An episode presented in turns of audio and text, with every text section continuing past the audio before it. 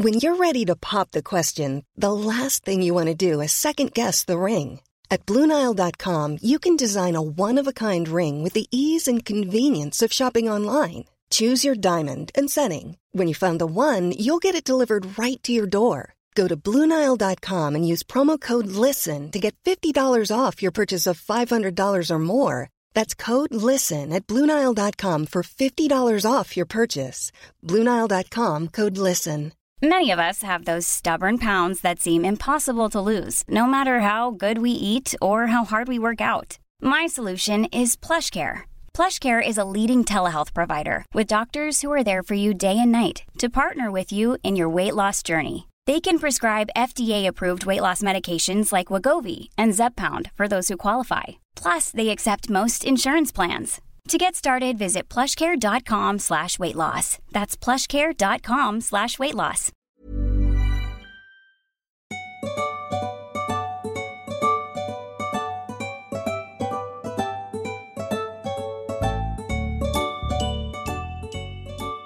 Hvis du, sånn som meg, har barn i skolealder, så er det ikke så veldig rart om du får litt sånn klump i magen av å lese overskrifter om økende grad av vold i skolen. Er det mer vold i skolen nå enn før? Og hva menes med vold, egentlig? Hva, hva ligger i det begrepet? Og ikke minst, hva kan vi foreldre gjøre? eh, Og lærere og systemet rundt. Og ikke minst, hva er det vi kan gjøre? Hva kan skolen gjøre? Hva kan samfunnet gjøre? Og ikke minst, hva kan vi foreldre gjøre eh, for å få mindre, ikke mer, vold i skolen? Dette er et stort og viktig og ganske dystert eh, tema vi skal inn i i dag. Hjertelig velkommen til Foreldrerådet, folkens.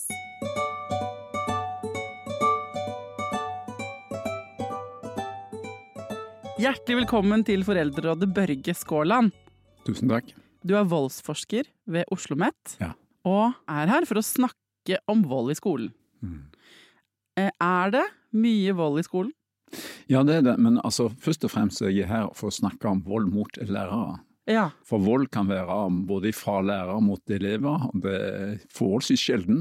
Og så kan det være ganske mye med elever til elever, da snakker vi mye om mobbing. Og så er det noe som har fått ganske mye oppmerksomhet de senere årene. Det er når, når elever utøver vold, trusler og trakassering av lærere. ja. Ok, er det mye vold mot lærere? Ja. Ja. Og hva er mye? Nei, mye det viser seg. Jeg kan gå og titte litt i, for jeg har tre nyere Ja. eh, resultater fra Norge. Eh, jeg har fulgt både i USA og i England er det mye tall. Eh, men de siste tallene for tre ulike eh, tre ulike eh, undersøkelser i Norge. Eh, det ene er en SITEF-undersøkelse fra 19, så altså fire år siden nå. Eh, der fant de ut at det var i barneskolen en, eh, over 50% av lærerne som hadde blitt eh, utsatt for vold de siste tolv månedene. Det er det som er normen. Vi snakker om det siste eh, året, altså tolv månedene. Halvparten. Ja, over halvparten. Over halvparten. Ja. Og de, Det som er interessant med den SINTEF-undersøkelsen, det var at de, de hadde en, en gruppe fra eh, Trondheim og en gruppe fra landkommunen Malvik. Og det var veldig lite forskjell i prosentvis. Så det var overraskende at det var såpass mye vold og trusler og trakassering mot lærere òg på landet, eh, ikke bare i storbyen. Nei, for man tror kanskje at det er en sånn Oslo-fenomen, på en måte, Ja. eller et urbant fenomen, men det er det ikke. Nei.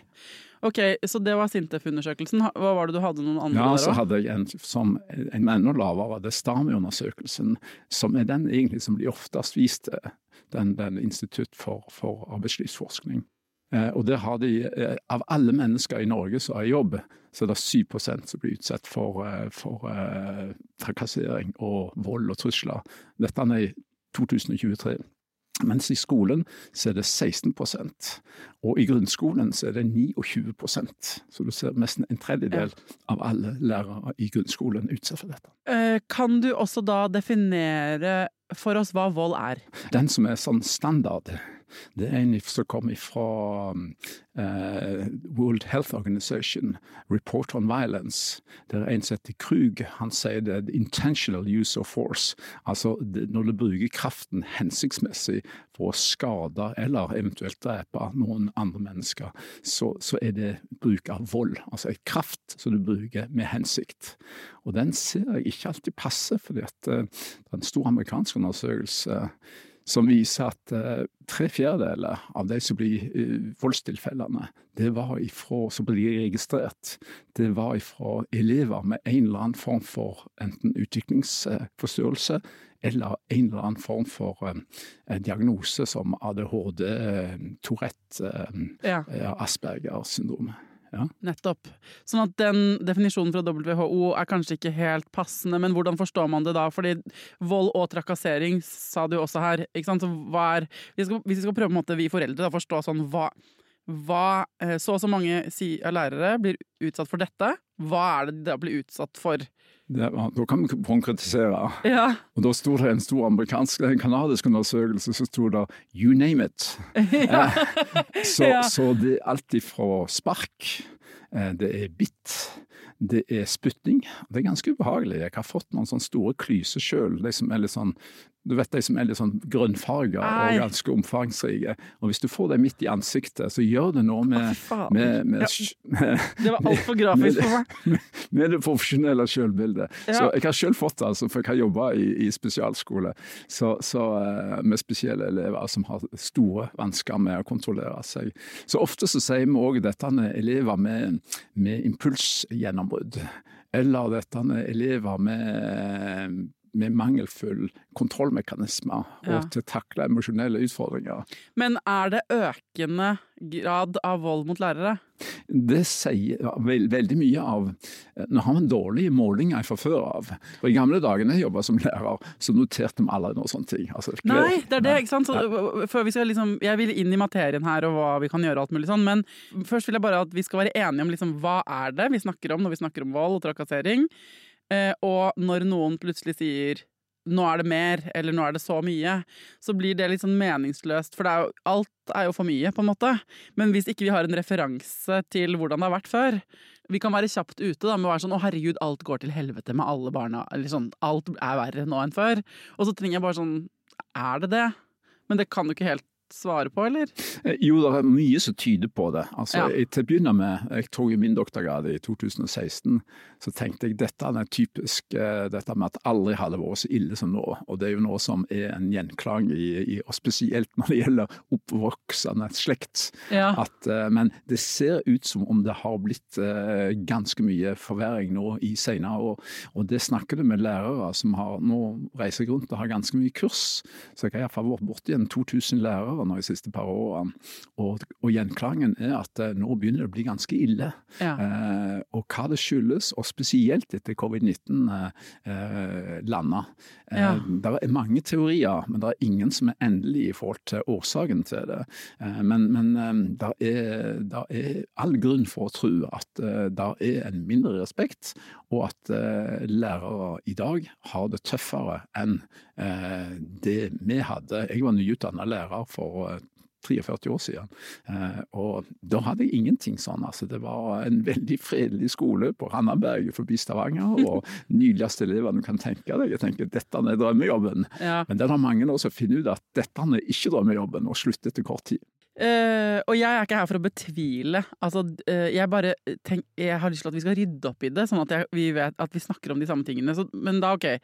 Um, så volden kan komme til uttrykk så mye rart. Altså slag og spark og spytt og, og trakassering, da. Hva er det?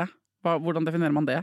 Ja, Det er en god definisjon på, på det, egentlig. Det, det, går på den de bruker av og til i politiet i rettssakene. Eh, og det er tatt fra New York, fra en rettssak der. Harassment.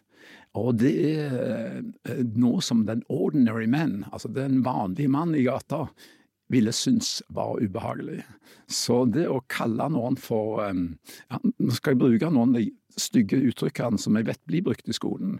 Eh, senest i en liten landkommune nå, der elevene kom og sa til læreren sin 'jævla fittesleiker' og 'jævla homo' og eh, kuk, jeg skal suge, 'kuksuger'. Og, ja, ja, det, det, det, er bare, det, er veldig uvant å høre ja. det i denne studio. Ja, Fra voksenfolk, i hvert fall. Ja, og, og nå prøver jeg å gjengi direkte. Ja, ja, du gjør en god jobb at, at uh, vi prøver ikke skjule dette. Og det er råtøft å komme og bli uh, møtt med sånn. Og ja. så kan samme elevene komme hjem til foreldrene sine og si at jeg sa ingenting. Og da kommer foreldrene neste dag på skolen og sier jeg snakket med eleven min. Han sier han har ikke sagt noen ting. Mm. Og da blir det ganske tøft. Ok, så da har vi fått definert trakassering og vold, og at det er økende trend. Og så var du inne Og så har vi trusler Trusler også, ja. ja. At noe kommer til å skje. Nettopp. Og, og, kanskje er det noe av det som er vanskeligst å leve med. Eh, dette med hva er det som muligens kan komme til å skje. Mm. Jeg var intervjua et par lærere i forbindelse med doktorgraden min, og det hadde elevene bare sagt at nå kommer det til å skje med deg. Og de begynte å få vonde fantasier om at huset ble brent ned om natta, og at eh, hvis, de, eh, hvis det ringte på på kvelden, så så eh, tørde de ikke åpne døra, for de var redd for hvem som kunne stå utfor. Om det var noen de hadde blitt sendt for å ta dem. Og, altså en grunnleggende utrygghet av mm. å være menneske. Plutselig fikk de etter sånn udefinerte trusler. Altså Hvis mitt arbeidsmiljø eh, hadde vært preget av folk som sa sånne ting til meg, som du sa til meg nå i stad, for å eksemplifisere, så hadde jeg jo ikke kost meg. Nei eller jeg meg til å gå på jobb. Og så skjønner jeg at folk som jobber i helsevesenet, i psykiatrien, i eldreomsorgen, i skolehverdagen Altså man, når man jobber med mennesker av mange slag, så er det en del av jobben å vite hvordan man skal håndtere en del sånne ting. Mm. Um, men uh, hva, hva tenker du er bekymringsverdig da, eller hvordan ser det ut der fra ditt forskerståsted? Hva tenker du? At det er liksom at dette sier noe om? Nei, dette er alvorlig. Og som eh, han eh, Mimir og Marsdal hadde i podkasten sin, 'Alarmen uler i skolegården', mm. Eh, så er det noen ting som er på veldig rask vei i feil retning. I forhold til å kreve respekt, og i forhold til å samarbeide positivt med foreldrene, som var litt mer en selvfølge i tidligere dager, mens flere og flere lærere opplever litt nå at foreldre stiller uhørte krav til lærere, både i forhold til tilgjengelighet og hva de skal kunne oppnå på vegne av barna sine.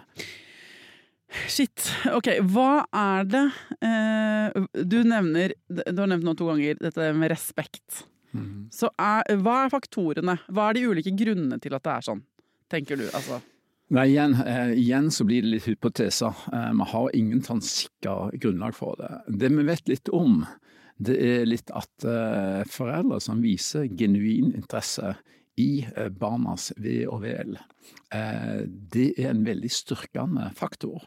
Og tydelig òg gi inntrykk av at de har forventninger til dem, og at de vil støtte dem.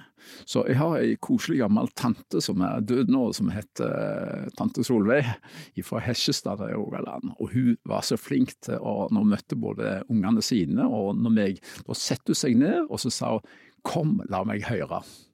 Og det vil si, hun setter seg ned for å lytte intenst til hva som var min livsverden, hva jeg hadde opplevelser, hvem jeg har vært sammen med.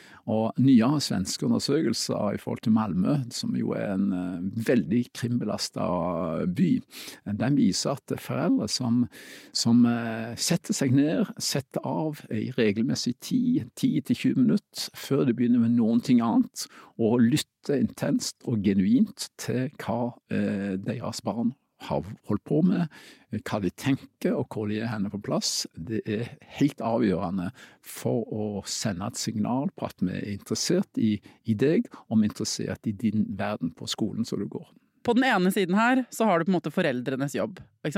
Må, uh, hvordan vi kan være bedre foreldre. Og der har vi jo, jeg har laget snart 600 episoder sant? om forskjellige viktige pedagogiske ting. Også i forhold til hvordan møte dem på følelser, hvordan vi kan støtte og være gode, gode rollefigurer og uh, wingmen og women for de små ungene vi uh, skal fostre opp.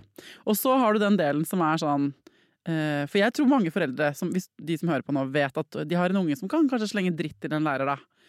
De gjør disse tingene kanskje hjemme, og de, de, har, de opplever at barnet deres er respektløst, da. Og så blir man sånn, ok, hva er at ungene eh, Man blir også redd for å forstå at liksom, dette er foreldrene som har skylda, eller ungene det er noe gærent med. Så er det noen andre ting som spiller inn? Altså, Hva er dette mangel på respekt? Hvor kommer det på en måte fra? Vet du det? Nå var jeg nettopp på en konferanse i Bhutan i sommer. Og det var sånn typisk han butansk Han professoren fra Bhutan som sa at den er klassisk i alle samfunn. Eh, skolen skylder på foreldrene, og foreldrene skylder på skolen. Ja. Så Derfor syns jeg det er så viktig poeng det du kommer med. La oss slutte å skylde på hverandre, men la oss prøve å bygge opp hverandre og støtte hverandre. Altså, men nå tenker jeg sånn, nå hører det mange tusen mennesker på. Noen av dem er lærere som har blitt utsatt for vold. Noen av dem har, eh, eh, er foreldre til barn som er skikkelig frekke i kjeften og respektløse overfor voksne av og til. Um, um, noen av de foreldrene til de barna er fortvila og på lærerens parti og vet ikke hva de skal gjøre. Og noen av barna deres har ikke fått kanskje tydelige nok grenser, mens andre barn har en Um, har det ikke noe bra. Og De har, og har også en diagnose. har en diagnose, Ja. eller ikke fått en diagnose ennå, men strever med noe. Føler Ja. på utenforskap. Det er noen gode grunner i bånn. Andre igjen har barn som oppfører seg eksemplarisk, og kanskje føler at de har gjort noe veldig riktig. og det kan hende de har gjort, men det kan også hende at du har et barn med, an med et annet temperament. Ehm, så vi er alle de som jeg har nevnt nå, og mange flere, hører på dette. Og vil føle seg truffet i ulike deler av det du forteller om. Og så tror jeg liksom Det jeg er redd for, da, er å um, uh, Å skylde på noen som du nevnte, vi var inne på i stad. Men også det å på en måte eh, gjø- for Jeg er både redd for å forenkle det for fælt, men også å komplisere det for fælt. Hvis du skjønner hva jeg mener. Så jeg lurer på om du kan være en slags sånn guide til oss eh, på hva er det som er utfordringen, og har du funnet noen konkrete grunner eller sånn, til at det er verre nå? Er det skjerm? Er det Fortnite, liksom? Er det, som du nevnte, at vi noen foreldre ikke tar, setter seg på huk og, og er en sånn nysgjerrig person når du kommer hjem? Er det, altså, er det noen konkrete ting du ser? Altså, det er en, en, en, en, eh, artig, veldig kraftig forenkling som heter at eh, husk at du skal være pedagog og ikke psykolog. Eh, og Hovedforskjellen på er at som forelder så skal du være pedagog, der du skal gjøre deg forstått. Og som eh, psykolog da prøver du å forstå mest mulig. Eh, men vi kan ha så mange unnskyldninger når det gjelder hvorfor vi har gjort. Og hvis vi ikke har de unnskyldningene, så lager vi de. Eh, Så det å være litt enkel, og det viser seg forskning igjen fra Malmö som er ganske ny, bare et par år gammel, som ser på f.eks. med innvandrerforeldre og belasta bydeler. Går det veldig ille med dem? Er det mye som fører til kriminalitet? og etter atferdsvanskene har vært på skolen. Og Da viser det seg at eh, de foreldrene som klarer helt tydelig signalisere gode verdier, og følge med barna sine. Og Da sier forskerne at det å følge med, det betyr at de interesserer seg for hvor de er henne, hvem de er sammen med, og hvilke aktiviteter de holder på med. Og det ser òg ut som om det er en aktivitet som viser seg folk som er barn som er med i organiserte, eh, organiserte aktiviteter. aktiviteter. Idrett, liksom? Ja, det var litt artig du sa det, fordi at de har da så de på forskjellige Er det ok å være med i teater, eh, musikkinstrumenter eh, eller sport? Så viser det seg det er sport som er det som er det store avgjørende. Og de tror det har noen ting med at det oftest er det lagspill. Eh, De må avhenge av hverandre. Eh, Du har tydelige voksne som går inn og markerer en norm om hva som er rett og hvordan det skal være her. Så det ser ut som det å få de engasjert i sportslige aktiviteter er faktisk en ganske god eh, støttespiller for at de skal òg få en fin atferd i skolen, og ellers går greit etterpå de er ferdig med skolen og komme seg inn på de sk- skolene som de vil, eller de arbeidsplassene som de ønsker å være. Men er det liksom er en, eh, Dette er jeg, mitt forslag, hypotese. Er det også det at det har blitt flatere struktur og mindre sånn hierarki mellom voksne og barn? Det er da hypoteser som går på at uh, det er litt for mye uh, at vi skal være kompiser, i stedet for å være tydelige voksne. Mm. Og jeg husker nøyaktig når jeg, hvor jeg var henne, var i rundkjøringen med Galleri Oslo i uh, Oslo. Når jeg hørte noen forskere som snakket om at uh, det er en del voksne som begynner å abdisere fra foreldrerollen. Ja. Jeg syns det var litt aktuelt i forbindelse med abdikasjonen som skjedde i Danmark nå. Ja, ja. Der dronning abdiserte fra øverste leder. Og i heimen så er det foreldrene som er øverste leder. Det er de som, det er de som bestemmer. Mm. Eh, og av og til må vi ha noen regler, for sånn er det bare her. Og det er, det er vi som har den makta. Eh, og vi er tildelt den makta så lenge du bor her sammen med, eh, med resten av familien. Jeg har laget mange episoder med eh, psykologspesialist Line Marie Warholm nå før jul og denne høsten som var. da. Og hun, hun bruker mye tid på å snakke om akkurat dette, da, og liksom hvordan vi skal på en måte ta tilbake den lederrollen. Og mm -hmm. eh, ikke autoritære, men autorative stilen, ikke sant? Og, og, og eh, tørre å sette grenser. Ja. Eh, tåle at barn eh, reagerer på de grensene. Hun sier eh, barns eh, privilegium er å være grenseløse. det er vi som skal sette grensene, og tåle at de blir sure når vi setter de grensene.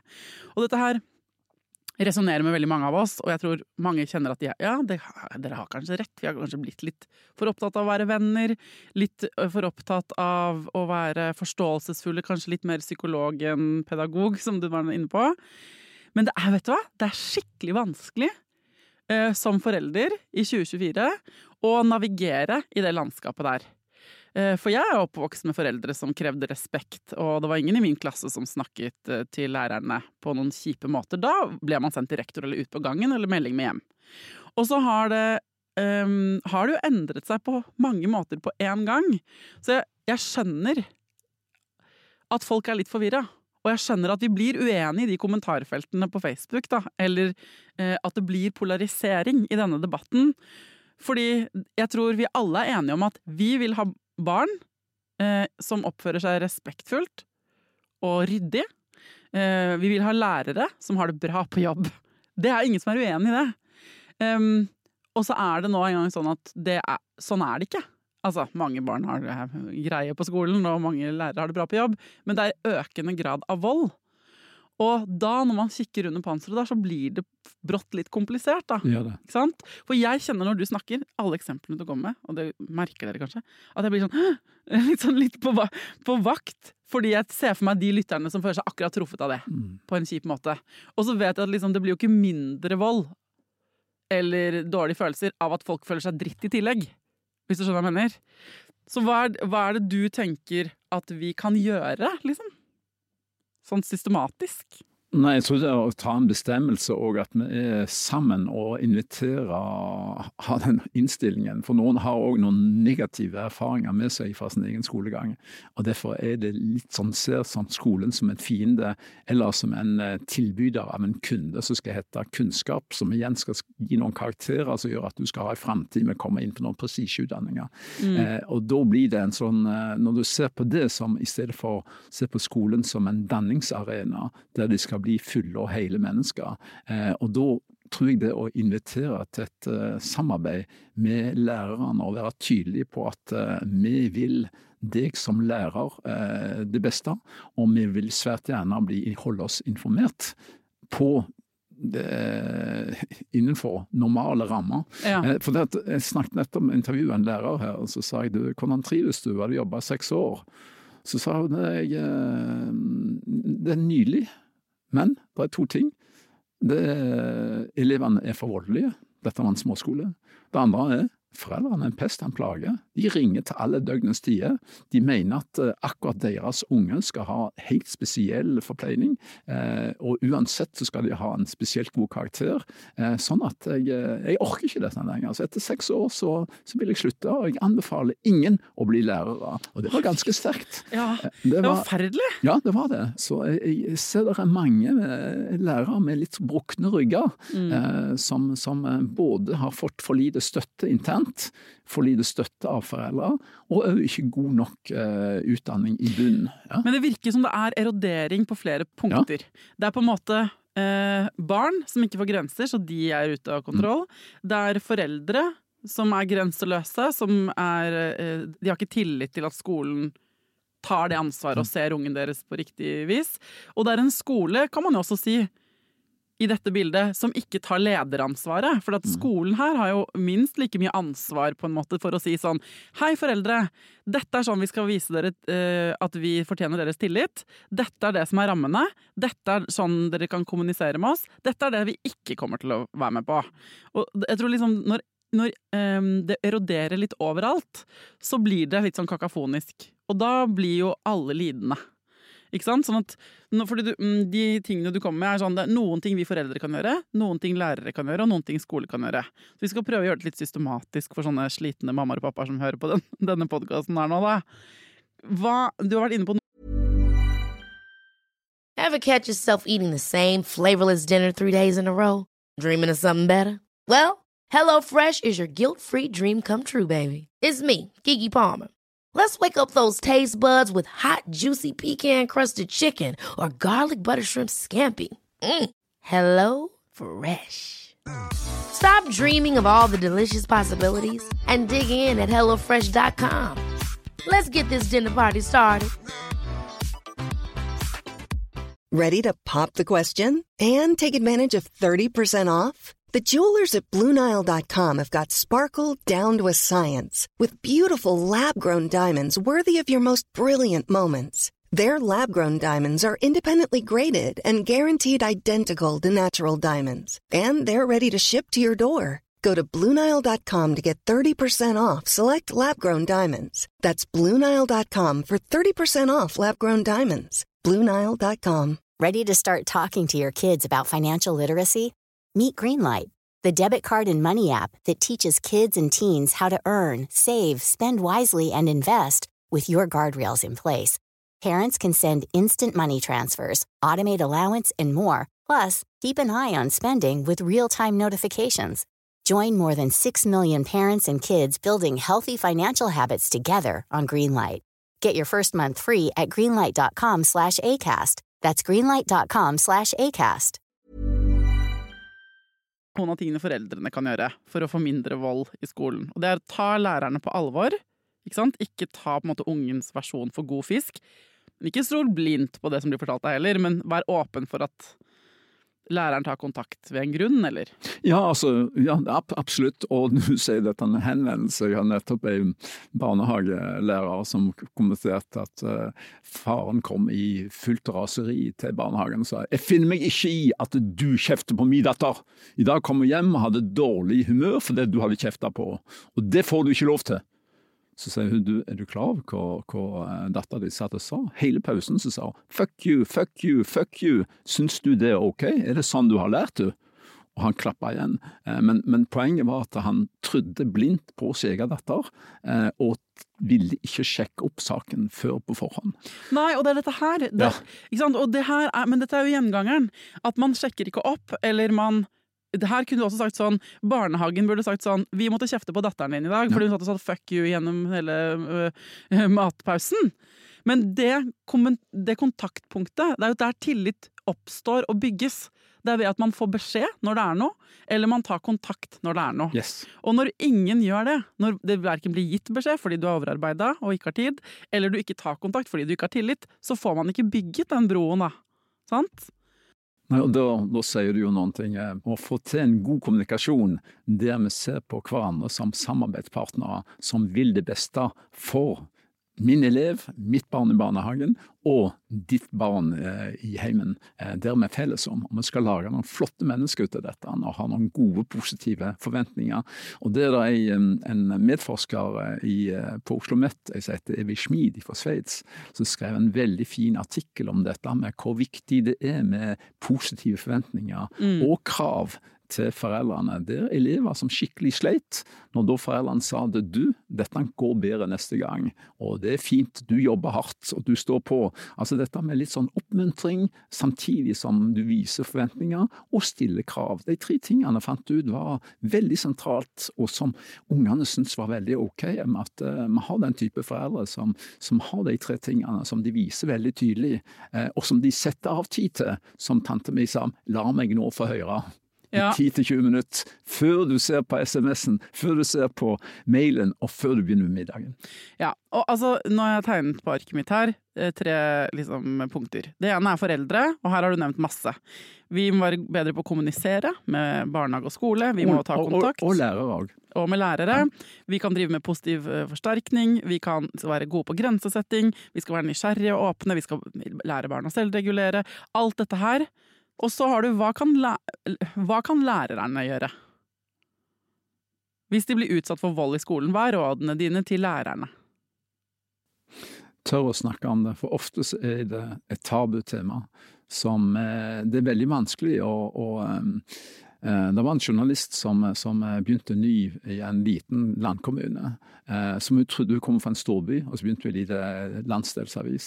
Og så spurte hun hvorfor hun se på avviksmeldingene i kommunen, i kommunalarkivet, og fikk sjokk når hun så hva lærerne hadde blitt utsatt for.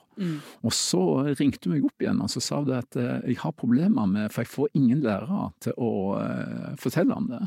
Eh, og det har noe med at eh, når det skjer noen ting mot deg, særlig når du ikke skjønner hvorfor det skjedde, så vil du få eh, opplevelser av skyld og skam. Eh, tenke at nå var jeg ikke flink nok. Hva var det jeg sjøl gjorde? Og eh, der er ofte når de møter og overordna, så vil de ha problemer. Men hva var det som trigga dette? Hva var det du gjorde som gjorde at eh, det barnet, den eleven, den ungdommen ble så sint at de slo deg, eller at de sparka deg? Hva var det du gjorde først? Eh, og den er veldig vanlig. Eh, og så vet du at eh, eh, ofte så vil kollegaene dine og skolemiljøet, hvis du blir utsatt for vold, kunne se på å ja, er du, er du ikke dyktig nok? Håndterer du ikke dette? Og da Ja. blir det stilt med du Egentlig så sier du jeg er ikke profesjonell nok, derfor skjedde dette. Så derfor tier du stilt om det. Mm. Og jeg skjønner det litt, fordi eh, jeg skjønner det veldig godt. Så, men rådet ditt er tørre å snakke om det. Fordi det blir jo for det første for deg personlig som opplever det, selvfølgelig. Men også fordi hvis det er sånn at eh, her mangler det noe. Eh, En eller annen ordning på plass, eller det er system Det er jo noe som har gjort at det barn utagerer. Og det er ikke nødvendigvis læreren, selvfølgelig. Men det er jo noe, et barn som har det kjempebra, vil nødvendigvis ikke utagere tror jeg, da. Så hva er det øh, Og da er det vel, hvis man er på skolen, så er det jo skolens om ikke ansvar, så jo, jobb, da. Å finne ut av hva er det som kan gjøre seg. For, for jeg lurer på hva slags sanksjoner har man? Men vi mangler jo litt sanksjoner, og det store eh, spøkelset nå for lærere er jo denne, denne, denne eh, krenkelsesparagrafen som ble eh, innført. Med det der sto faktisk direkte, så står det i, i eh, stortingsmeldingen som var vel 52 som Djupedalsutvalg, så det heter at eh, hvis læreren eh, har krenka en elev, eh, og, eleven, eh, og læreren sier at han ikke har gjort det, og benekter det, eh, så er det eleven sin eh, versjon som gjelder. Ja, men apropos den utflatningen av det hierarkiet, da, så er dette en helt sånn konkret paragrafsendring, da, som gjør at og den, i beste mening, jeg forstår det, jeg tenker, ja, fordi eh, da jeg vokste opp, så var det lærere som sa skikkelig krenkende ting, altså på 80-90-tallet på skolen, i gymtimene, og ting som satte seg, og dette er jo ment som for å sikre elever Yes, yeah. eh, mot de situasjonene, men det er klart, det kan også bli misbrukt. Mm. Eh, og så er det jo sånn at den som har blitt utsatt Altså, det er vanskelig. Det er en situasjon hvor begge føler seg krenka. Hvem har rett? Så jeg skjønner jo også den paragrafen, fordi at det er Mm. barnet som har rett. På en måte, fordi barnet er jo tross alt et barn. Ref. At de har lov til å være grenseløse i større grad Ja. enn det voksne har. Yes. Så jeg forstår jo det. Det gjør vel du også? Du, bare sånn, Vi har et konkret eksempel nå på, Ja. borte på Vestlandet, en, en kommune som heter Alver. Der var det en eh, niendeklassing, vel, eh, eller tiendeklassing, som eh, skulle ha karaktersamtale. Og så sa læreren ut ifra det og det og det, så kommer du til å få en femmer. Nei, sier hun, jeg fortjener en sekser. Nei, så sier han ut ifra de, de kriteriene, så. Og så begynte hun å krangle med han, argumentere med han. Så sa han, vet du hva, jeg kan ikke finne meg i at du sitter nå og, og begynner å krangle med karakteren. Det er jeg som er profesjonell her og setter karakterer og bedømmer det, vurderer det. Da gikk hun hjem til faren sin og sa at nå har jeg blitt krenka av læreren min. Faren gikk til rektor, og rektor sa dette han går seg til, dette han blåser seg av. Når han ikke fikk godt nok svar fra skolen, så gikk han til, til organet over. Og da fikk, sendte de juristen der ordne opp i denne saken her. Og Da tok rektor og skrev en ferdig unnskyldning. Jeg beklager at jeg krenket deg i karaktersamtale den og den datoen. Bare skriv unna her. Dallan, han het Ivar Dallan, eller en eller annen fornavn, men et navn iallfall Dallan. Så sa han det, det nekter jeg. Ja. Eh, og eh, han gjorde ikke. Altså det blir en farse? Ja, det blir en farse. Ja. Men eh, nå så ble det rettssak på det, eller det ble en stor undersøkelse, og, og jurist, eh, Sander, juristen i, i, i, Bergen, undersøkte saken og sa at rektor har misforstått eh, loven. Det er ikke sånn det skal tolkes. Og etterpå så sa kommentaren til rektor jeg hadde rett, jeg ville gjort det samme igjen. Mm. Så her er det store misforståelser som ute og går i forhold til ja, dette. Men det, er, det høres jo bare rot. Ja vi, intensjonen her hos alle er at vi skal gjøre det bedre og bedre. Yes. Men, eh, men så, eh, så, vil noen bruke det du sier nå til å si sånn Det ser dere! Det går til helvete med skolesystemet, bla, bla. Mens andre kan si noen barn får mer bestemmelsesrett. Mm. De skal inn og diskutere den karakteren. De får lov til å eh, problematisere det, og læreren er ansvarlig for å fortelle hvorfor dette er en femmer og ikke en sekser. Men læreren må nå vise til Hvorfor ikke? Mens da jeg gikk på ungdomsskolen, og vi hadde bokstavkarakterer, husker jeg at norsklæreren min sa jeg kan ikke fortelle deg hva som skulle gjort denne stilen til en S. Den, jeg kan fortelle deg hva som gjør den til en M, men jeg kan ikke fortelle deg hva du skulle ha lagt til for at det skulle bli en S. tenker jeg sånn, Det er ikke sånn det er mer! Nå skal man kunne forklare, mm. forklare hva som skal til.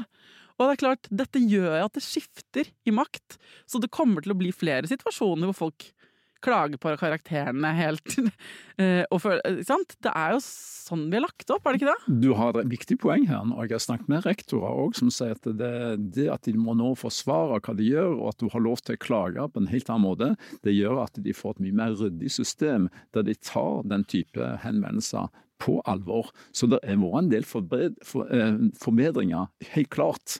Men at det har blitt noen overtramp eh, 100 Og ja. vold skal vi jo ikke ha noe av uansett. Og jeg, jeg, tror vi på en måte er enige om de overskriftene her, ikke sant? og det er fortvilende. Ja. Men jeg skjønner, jeg prøver å vise frem litt sånn hvorfor har det erodert? Hvis det er sånn at foreldres tillit, eller barnas tillit, eller lærernes tillit i dette litt sånn intrikat, sammenvevde kommunikasjonssystemet vi skal ha, så er det jo ikke så rart, for der hvor det var ganske glassklart før Dette er læreren. Hun eller han er allmektige. Dette er barns oppgave. Eh, sånn her funker det. Fit in or fuck off, på en måte. Så er det nå sånn Nei, vi skal jenke oss litt, og det er mykere i svingene og sånn. Og da blir det mer forvirrende. Ja. Og det krever at folk er enda tydeligere. Mm. Og det er kanskje den tydeligheten lurer jeg på som har blitt litt sånn lost in translation her. Ja, jeg er bare enig med deg. Det er... Ja, så bra. Nei, men jeg jeg syns det er vanskelig. Det Jeg liker veldig godt når jeg kan bli enig med programleder. programleder liker også veldig godt når gjestene er enig med henne. Nei, men jeg vet ikke. Ok, Sånn at eh, lærerne skal tørre å snakke om det. Og så Eh, og pluss å be om støtte, og at eh, ledelsen sørger for at vi får et miljø der vi stadig kan dra det fram, og kurse oss òg, ikke minst i forhold til lovverket. Ja. Uh, fordi at vi har vært veldig redd for i hele tatt å ta bort en elev eller håndleder, og at vi trenger noen opp vi trenger noen grenseoppganger, eh, sånn at vi vet hvilke rettigheter vi har, eh, og hvor langt vi kan gå, og, og kan forankre dette i lovverket. For det har noe med profesjonalitet mm. å gjøre. Eh, og så, hva kan skolen gjøre? Hva er det som kan gjøres på systemnivå? De som hører på nå, som er rektorer, eller sant, som sitter og bestemmer? Altså, Rektorene jeg synes jeg, jeg, har stor, jeg har mange i min nærmeste omgangskrets eller slekt som har vært eh, rektorer. Eh, og de havner sånn midt mellom barken og veden. For de har, eh, altså Læreren forventer en blind lojalitet ifra dem, og så har de noe som jeg syns òg det uttrykket skoleeier det er ikke tvil om hvem som eier skolen, og det er mm. ikke lærerne og det er ikke rektorene, men det er noen over det igjen. Eh, og da har de bare med å gjøre sånn som eh, de skoleeier har bestemt at det skal gjøres. Så det har blitt en sånn eh, skoleeier med hele veien svarer oppover. Eh, og da er det stilt ganske mye krav fra skoleeier om hva skolen i deres område skal være. Og det å rapportere inn f.eks. Eh, hvis det har vært en alvorlig voldsepisode, eh, det vil ofte få du hadde jo den fæle voldsepisoden her i Oslo med, med Oslo eh, handelsgymnasium, eh, der en lærer ble angrepen og eh, røska ut strupehodet og vridd og gikk i, eh, i en som med SARS. Det var mange rettssaker omkring det. Eh, og der det ikke ble meldt inn til Arbeidstilsynet, eh, for det var ikke alvorlig nok. Altså, er det sant? Ja, så, så eh, altså Han sjøl meldte det inn etterpå, men saken ble ikke meldt inn, for det var ikke alvorlig. Og der, eh, nei, det var, en, det var en stygg sak til den der, og eh, ingen konsekvenser for at ikke ledelsen gjorde det de skulle ha gjort i forbindelse med den voldssaken. Og det var til og med ikke til stede hos nå støtte under rettssaken heller fra ledelsen, så han ble veldig alene. Han skrev jo bok om det, han Klemme Sars om den saken. Men det, det virker på meg som at paradoksalt nok, i, uh, så er det det samme problemet for det, det virker ikke som ingen voksne her har bestemt hvor skoen trykker, og hva, skal, hva vi må gjøre. Det var, det var, overskriften til en fagforeningsmann i forbindelse med den saken som Alvær-saken. Så sa han er det ingen voksne i rommet her? Ja, men jeg føler også litt sånn herre Skoler som ikke rapporterer inn, som ikke tar problemene på alvor, som ikke får til det skole-hjem-samarbeidet eller legger til rette til, eller driver med videreutdanning og opplæring av lærerne. Lærere som ikke vet, eh, tør å melde avvik, som ikke eh, tør å opprettholde grenser, eller som gjør det, men føler seg aleine fordi de ikke har mm. noe skole å lene seg på. Foreldre som ikke holder grenser, for, uh, som uh, ikke tror på hva lærerne sier, som kanskje ikke klarer å møte ungene sine på en god måte. Det er jo ikke rart ungene våre at det går litt over stokk og stein i dette Nei. klimaet. Nei, det er ikke det. Men nå ser det ut som òg Jeg syns både hun forrige Brenna eh, utdanningsministeren og hun nye, hun eh, Nessa fra Stavanger, eh, viser jo dette med vi vil innføre mobilforbud, vi vil eh, gjøre det og det og det. Så at det skjer noen ting, det ser ut som de tar litt grep. Men det er på tide, for nå er det nesten ingen søknad til lærerutdanning i det hele tatt. Uh, og det er, det er, jo krise med fremtidig rekruttering. Altså Det er en stor krise nå. I... Og én ting er at det er en krise. Altså det jeg er veldig viktig her, da. er at en ting absolutt en krise for lærerne. Men det er jo virkelig en krise for barna. Jo, hele altså, samfunnet. Ja, hele samfunnet. Men ja. de barna som utøver vold, ja. og klassekameratene deres som mm. sitter ved skolebenken og som er vitne til at det blir vold, Sånn, dette her er et problem langt utover den som blir utsatt for volden. Det syns jeg er et veldig viktig poeng du har der. Og når det skjer vold og trusler på skolen, eh, vi må ta med de andre elevene som har vært vitne til det.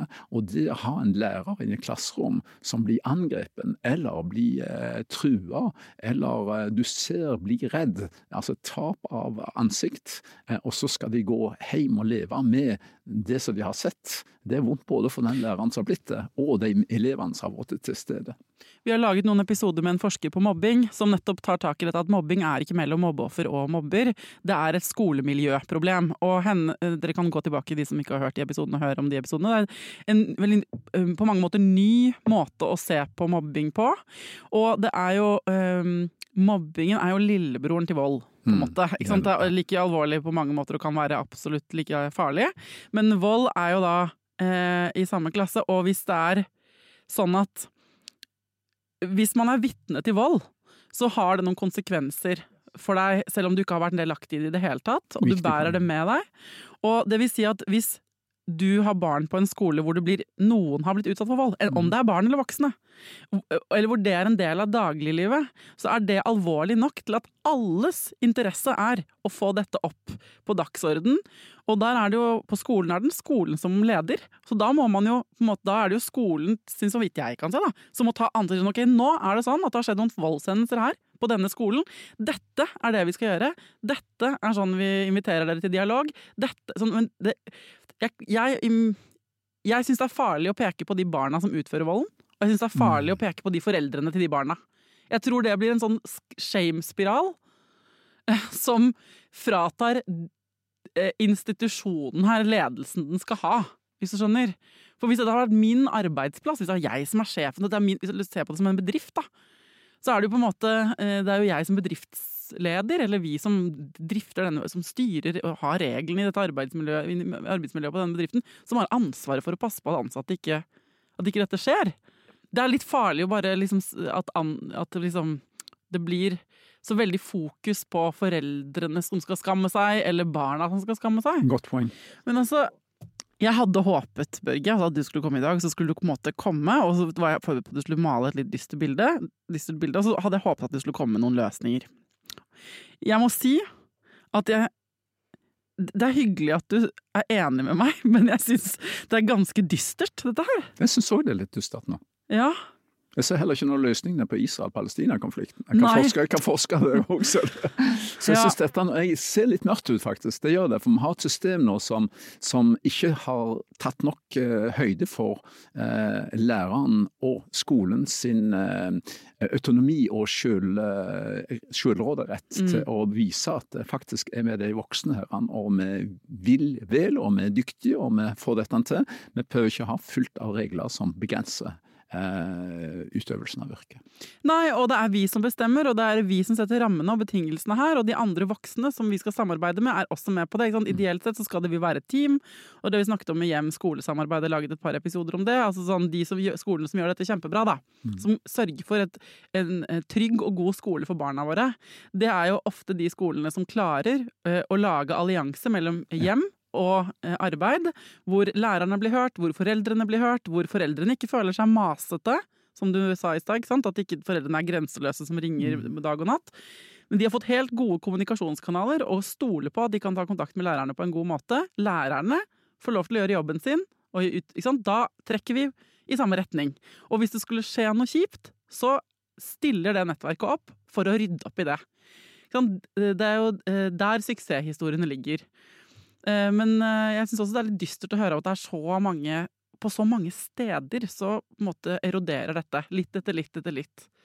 Fordi som du sa, de tapende er Én ting er selvfølgelig lærerne som blir utsatt for vold, men eh, jeg tror ikke vi skal tenke noe mindre på de barna som utsetter andre for vold. De som blir vitne til det, de som må leve i det miljøet. Eller de stakkars foreldrene som jo, jeg vet, gjør så godt de kan. Ikke sant? Så det er lose, lose, lose, lose situation. Og da må du som forsker, syns jeg, lage en win-win-win-win uh, situation. Og komme med uh, Vi trenger noen voksne. Er det deg? Eller er det noen andre som kan fortelle oss hva vi skal gjøre? Nei, Min eh, rolle det var nå prøve å få fram eh, læreren sin. For jeg har vært lærerutdanner en god del år. Og det hele starta med faktisk en eh, lærer som slutta av lærerutdanningen sin og dro til et bitte lite sted langt ut mot kysten, langt mot nord. Og så kom han tilbake etter et par år og så sa han jeg anklager deg og Kirsten Limstrand, som var min kollega, for at dere ikke fortalte om hvor tøft det kan være. For det var meg eller elevene.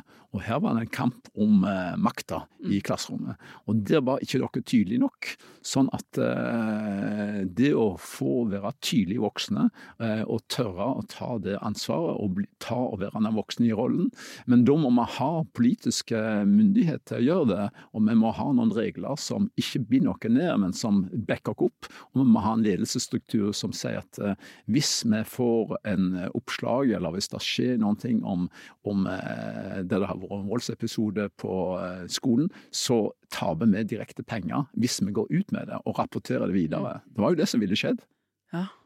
Men jeg er enig med deg. Altså, mm, det er bra du forteller lærernes eh, perspektiv. Det er veldig bra. Og det trengs å gjøres noen ting, men de ferdige løsningene har jeg dessverre ikke. Nei, nei da, jeg skjønner det. Men Jeg er de- glad du forteller om det likevel. Jeg er glad du forteller om det likevel. Og så tror jeg liksom, vi skal vokte oss vel, vi foreldre.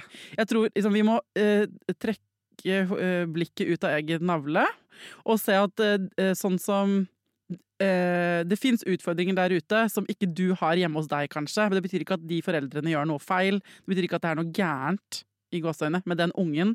Det betyr ikke at eh, ikke sant? Det, Vi er jo sammen i dette. Det er et slags gruppearbeid vi er nødt til å løse i fellesskap. Og da er det ikke så hensiktsmessig å drive og peke, peke, altså peke på hverandre og skylde på hverandre. Det gjør det bare verre.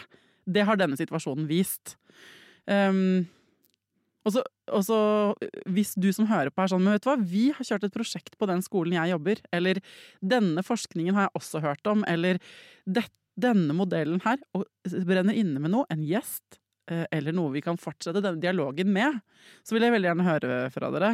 Og så håper jeg at du også, Børge, kan komme tilbake hvis du finner ut sånn, vet du hva vi gjør til, ja? Vet du hva jeg har funnet ut? Um, lover du det? Ja, men Jeg er ikke helt optimistisk i forhold til det. du. Men jeg kunne ønske meg at uh, altså Jeg hadde selv en, en, veldig dyktig lærer på ungdomsskolen. Og En gang så gjorde hun helt feil. Hun uh, ba alle guttene sitte igjen fordi at hun selv hadde somla vekk nøklene. Ja. Og min kamerat uh, Egil han nekta å sitte igjen, så han forlot klasserommet. Og Da fikk han jo melding med seg hjem. Og da skal, neste dag så skrev mor hans du har vår fulle støtte. Ta han bare hardere neste gang. Så din oppfordring er at vi skal backe lærerne? Ja. Back skolen, og så uh, back òg barna deres, som den svenske forskningen viser. Uh, bry dere om hva de holder på med, få de inn i organisert aktivitet. Uh, still krav, still, gi de omsorg, og sett av et tid. Jeg vil gjerne høre på deg. Nå, det, nå vil jeg høre. Mm. Ok, tusen takk for at du kom og snakket om dette som var vanskelig, Børge. Bare hyggelig. Hvis du nå sitter med eh, innspill til dette med vold i skolen, hvis det er en gjest du tenker at jeg burde intervjue, hvis du mener det er en bok du tenker at jeg burde lese, så må du komme til meg med det. Altså, du må sende meg det på Instagram, på Foreldrerådet-kontoen, eller til foreldreradet. Og det gjelder også hvis du har kritikk det kan jo hende du syns det er irriterende at det er noe vi glemte å snakke om, eller at jeg uh, unngår noe, eller at jeg skravler for mye om noe. Eller at du mener gjesten tar feil. Altså, uh, send meg også gjerne kritikk. Uh, det er den eneste måten jeg kan bli bedre og klokere på. Jeg tenker at dette her er et tema vi må følge opp, dere, på alle mulige slags måter. Og dere er de mest oppegående foreldrene jeg kjenner. De tusenvis av foreldrene som hører på Foreldrerådet. Så vær så snill og bruk hjernen din eh, hvis du vil, da. Og send meg, send meg eh, noen gode innspill. OK? Tusen takk for at du hører på. Til neste gang, ta vare på deg sjæl, ta vare på ungen din, og lykke til.